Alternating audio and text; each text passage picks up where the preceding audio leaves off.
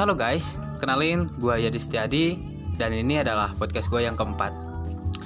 Nah, setelah sebelumnya di podcast gue yang ketiga membahas tentang bagaimana cara mengalahkan rasa insecurity atau tidak percaya, ketidakpercayaan terhadap diri sendiri, maka di podcast gue yang sekarang sebenarnya gak nyambung. Tapi ya gak apa-apa lah, namanya juga podcast gue. Oke guys, untuk episode yang sekarang secara eksklusif gue bakalan ngobrol-ngobrol bareng kawan-kawan gue yang sekarang uh, ada di lingkungan kampus gue. Pertama ada ada kenalin siapa? Gue guys kak, biasa dipanggil Gigis, tapi orang-orang juga kadang manggilnya Agus. Dan lu siapa bro? Gue Ojan Kamil bisa dilihat di Instagram gue @ojankamil8 Anjay. Oke okay, guys, uh, hal yang mau gue obrolin sekarang ini adalah bagaimana menurut pandangan lo ketika lo memasuki dunia kuliah.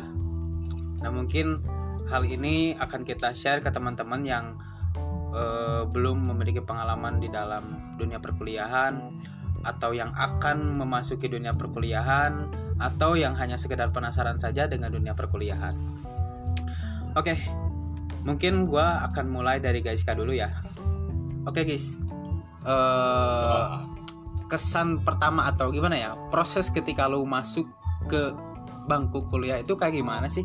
Waduh, nih makasih banget ya udah mau ngajakin nih gue lu gue lu ya gue ke ya. kebiasa ngomong kayak begini biasa orang jeng maneh gitu gak apa-apa kan. lah kepake iya. orang dan maneh juga gak apa-apa sebenarnya jadi di sini ya gue aja ya. Ya, ya. Jadi gue itu pertama masuk kuliah ngerasa wah dunia kuliah itu beda banget.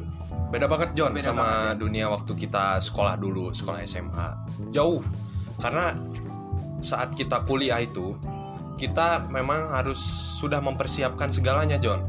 Kita harus sudah memetakan apa yang akan kita kerjakan gitu terus itu yang pertama yang kedua iklim pertemanan juga itu sangat berbeda oh ya berbeda ya iya benar beda banget soalnya di kampus itu kita memang harus cari teman yang emang benar-benar ngebantu banget John jadi bukannya kita mau manfaatin tapi memang kita juga harus punya temen yang bermanfaat gitu. Uh, bermanfaat di sini konteksnya apa? Konteksnya John? ya banyak hal John. Banyak hal ya. Yang pertama buat ke akademik lu. Oh ya itu penting. Penting ya, banget ya buat men pertama ya. buat mendongkrak IPK kalau kita otaknya kurang-kurang gimana gitu. Tapi enggak ini juga ya ya pakai otak juga kita kalau minta bantuan gitu ya kan. Nah, terus ya apa ya selama kurang lebih empat bulan jadi mahasiswa gitu ya banyak tantangan tersendiri terutama dalam cara kita belajar kita itu memang dituntut harus banyak baca. Itu sih iya menurut gue kunci utama itu kita. hal yang uh, pada umumnya orang-orang itu gak suka baca. Tapi sebenarnya setiap hari itu mereka baca ya. Tapi iya. uh, konteks apa yang mereka baca itu yang menjadi permasalahan iya bener ya. banget. Apalagi baca terkait dengan uh, kita di kuliah itu ngambil jurusan apa gitu. Ya. sama mata kuliah kita. Kita kuliah misalkan gue nih gue orang komunikasi. Berarti kan gue harus cari tahu sebanyak mungkin kan tentang komunikasi. Gak mungkin kan kita nggak cari itu semua gitu. Sedangkan itu kan modal utama kita buat nanti kalau kita bicara gitu John. Jadi yang pertama itu kita harus banyak baca buku gitu. Tapi nggak harus uh, buku tentang apa uh, jurusan yang kita tempuh gitu ya, yeah, studi yeah. yang kita tempuh, buku apa pun itu karena dalam buku itu pasti akan membuka wawasan John. Kosakata baru ya. Iya bener banget. Jadi... Karena kan ada juga tuh katanya penelitian yang bilang bahwa ya penelitian yang bilang dan juga dosen gua tuh waktu itu bilang kalau kita baca itu sel otak kita itu akan membuat sel baru John. Sel nah, baru. iya. Kebayangkan otak kita itu sebetulnya dari 100% nih kapasitas otak kita gitu ya kalau dianalogikan uh, sama hard disk gitu yeah, kan yeah. komputer dari 100% ini otak manusia kalau orang yang benar-benar cerdas John itu cuman kepak- kepakainya kurang lebih 20% kurang John. Anjir lah, lah orang. Nah ini kita yang bukan profesor bukan guru besar bukan orang anjir. apa-apa gitu kan.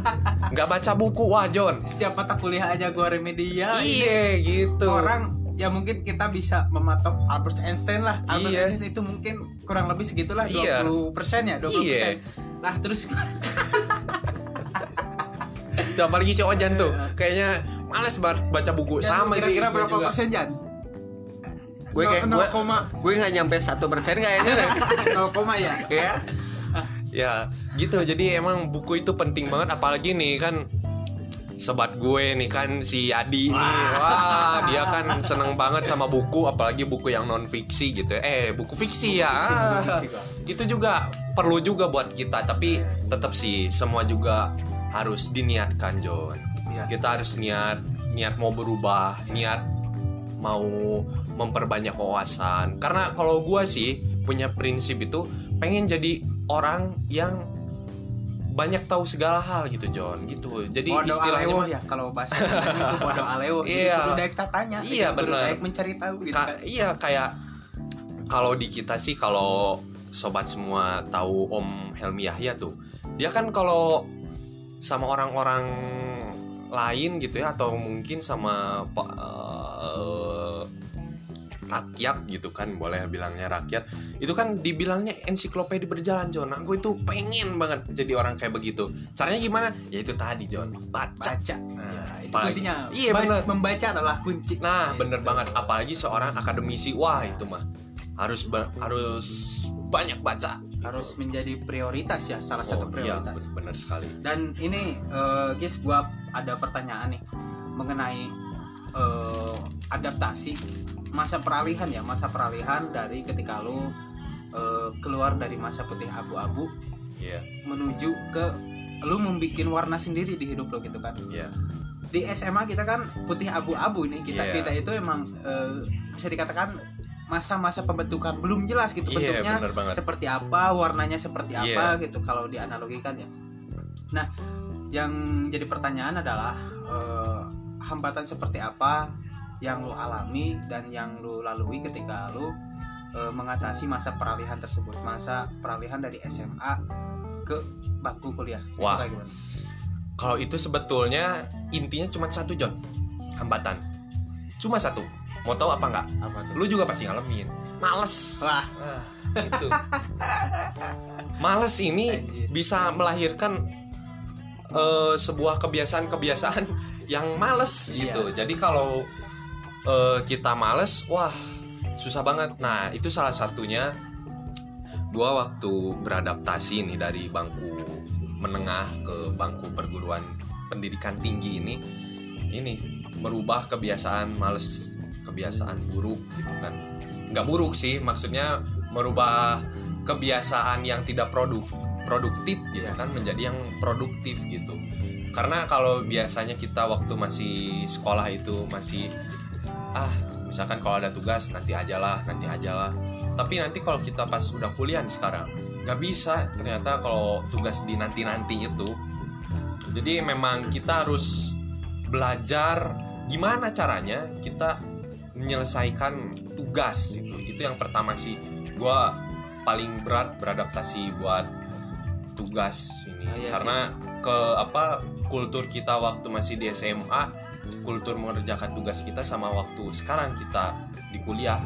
Beda sih John. Nah, sebenarnya secara teoritis itu simple ya gampang. Itu kita hanya cuman melawan rasa malas doang Nah, gitu kan tapi pada praktisnya itu memang gak gampang gitu Iya, kan gak gampang gampang. kebiasaan yang tadinya kita malas-malasan bahkan gua dulu ketika gua sekolah masih di SMA itu untuk ngerjain tugas aja itu rasa-rasanya gua mustahil ngerjain PR di rumah itu Iya. pasti kalau kalau emang gua lihat gua lihat dulu dari dari segi eh, urgensitas eh, dari gurunya ya iya ini killer atau kagak nih? Nah Iya. kalau killer gue pasti ngerjain. Heeh. tapi bukan di rumah yang pastinya di sekolah Iya. sama teman-teman. Nah itu itu itu banget. Itu, yang itu yang gue gak, gak bisa gue temuin di kuliah karena ya kita nggak bisa kayak gitu karena Iya. ya lingkungan memang menuntut kita dan mengarahkan kita untuk tidak seperti itu. Bener banget. Itu sih yang paling utama. Gue rasa bukan gue aja ya. Hampir semua orang yang merasakan jadi mahasiswa pasti pas peralihan itu masa transisi itu itu sih yang jadi tantangan males. Ya cara apa solusinya ya kita harus gimana caranya kita melawan rasa males itu. Memang nggak gampang tapi kalau kita coba setiap hari lakukan rutin intinya sih John istiqomah. Istiqomah ya? Iya bener banget. Insya Allah. Nah sekarang eh, gua beralih ke si Ojan nih. Ojan gimana nih kesan-kesan lo ketika lo memasuki bangku perkuliahan? bangku perkuliahan. Ada iklan John Eh gimana gimana gimana? Yang pertama sih eh ya seperti yang tadi dibahas gue juga orang yang sangat tidak pernah bisa dikatanya tidak pernah mengerjakan tugas semasa SMA ya. Jadi Bandung nih Bandung. jadi gue itu adalah siswa yang diburu sama eh, guru BK gitu. oh jadi bukan lu yang memburu guru BK? Enggak, gue yang diburu. Karena ya salah satunya sih tugas sih. Gue gak sering menger- ngerjain tugas terus masuk kelasnya juga agak kurang disiplin lah. Iya iya. Tapi Nah, kalau sekarang gimana nih? nah, kalau sekarang gini. Setelah kita masuk eh, sebagai mahasiswa nanti kita akan mempunyai akan eh, pikiran kita akan mempunyai prinsip gitu. Yang pertama yang gue rasain menjadi mahasiswa adalah prinsip tentang persaingan. Nah, dalam pembelajaran nih, dalam, dalam pembelajaran kita itu sebenarnya sebenarnya salah kalau kita masukin sistem persaingan dalam media pembelajaran. Iya iya iya. Sebenarnya kita yang harus eh, dilakuin adalah eh, kita fokus terhadap diri kita gitu. Fokus terhadap diri kita. Fokus terhadap diri kita karena jika eh, kita menjadikan suatu pembelajaran adalah persaingan, kita akan per- eh, terfokus kepada orang lain nantinya. Nah, itu akan menjadi bumerang menurut gue. Itu lebih ke Proses kali ya. proses dan mindset ya. Iya, Jadi, mindset. mindset kita tujuan kita dalam pembelajaran itu apa gitu apakah kita untuk mengalahkan orang lain atau memenangkan diri kita sendiri Nah, itu. Iya bener banget. Nah, jadi jika kita hanya terfokus pada orang lain, maka otomatis kita akan hanya akan mengejar suatu kuantitas, kuantitas bukan kualitas bukan kualitas. Wah gila berat banget berat Pak. ini berat pak berat berat berat banget. berat. Nah, Gak nyangka nih pangkasnya. nah ini John, kultur kita di UBK ini kalau misalkan lagi bercengkrama kayak gini, kadang suka pakai nama bapak. tapi Karena bukan nama bapak asli, Iya, tapi bukan, nama bukan. ngarang aja Ngarang gitu. aja. Kalau waktu sekolah kan kita nyebut bapak itu ya ngaran bapak kita Dadang, Iya. Maman, itu kan. Nah kalau di sekarang kan kita khususnya kita kita nih kita kita itu kan di lingkungan kuliah itu kita menggunakan bahasa keseharian bukan di lingkungan kuliah aja sebenarnya ya. Iya. di luar pun kita sama menggunakan eh, sebutan bapak-bapak pak-pak gitu kan karena ya ini eh, suatu kebiasaan yang kita bangun dari sekarang sampai pada waktunya nanti kita di lingkungan pekerjaan gitu Iya ya. Membentuk amin. profesionalitas gitu kan sampai iya sampai sampai kan dosen aja malah kebalik sama kita gitu ya kan kita yang kayak jadi dosen gitu dosen kita malah jadi kayak mahasiswa itu wah gila sih Nah, emang itu, itu. Nah itu mungkin eh, sekian dulu podcast dari kami. Sebenarnya ini masih masih apa ya kurang panjang ya karena ya nantilah nanti Ya. kita akan membahas sesuatu hal yang amatiran John eh, apa akan membahas sesuatu hal yang lebih panjang lagi, lebih lebar lagi, lebih dalam lagi. Nah mungkin untuk podcast gua yang sekarang eh, dicukupkan sekian. Semoga adaptasi eh, proses adaptasi yang dicerit yang diceritakan oleh Gaiska sama Ojan ini menjadi pembelajaran buat kalian dan juga sebagai gambaran gimana ketika lo nanti memasuki dunia perkuliahan. Nah mungkin sekian dulu podcast dari gua. Eh, semoga bermanfaat dan sampai berjumpa lagi di episode yang selanjutnya. Thanks.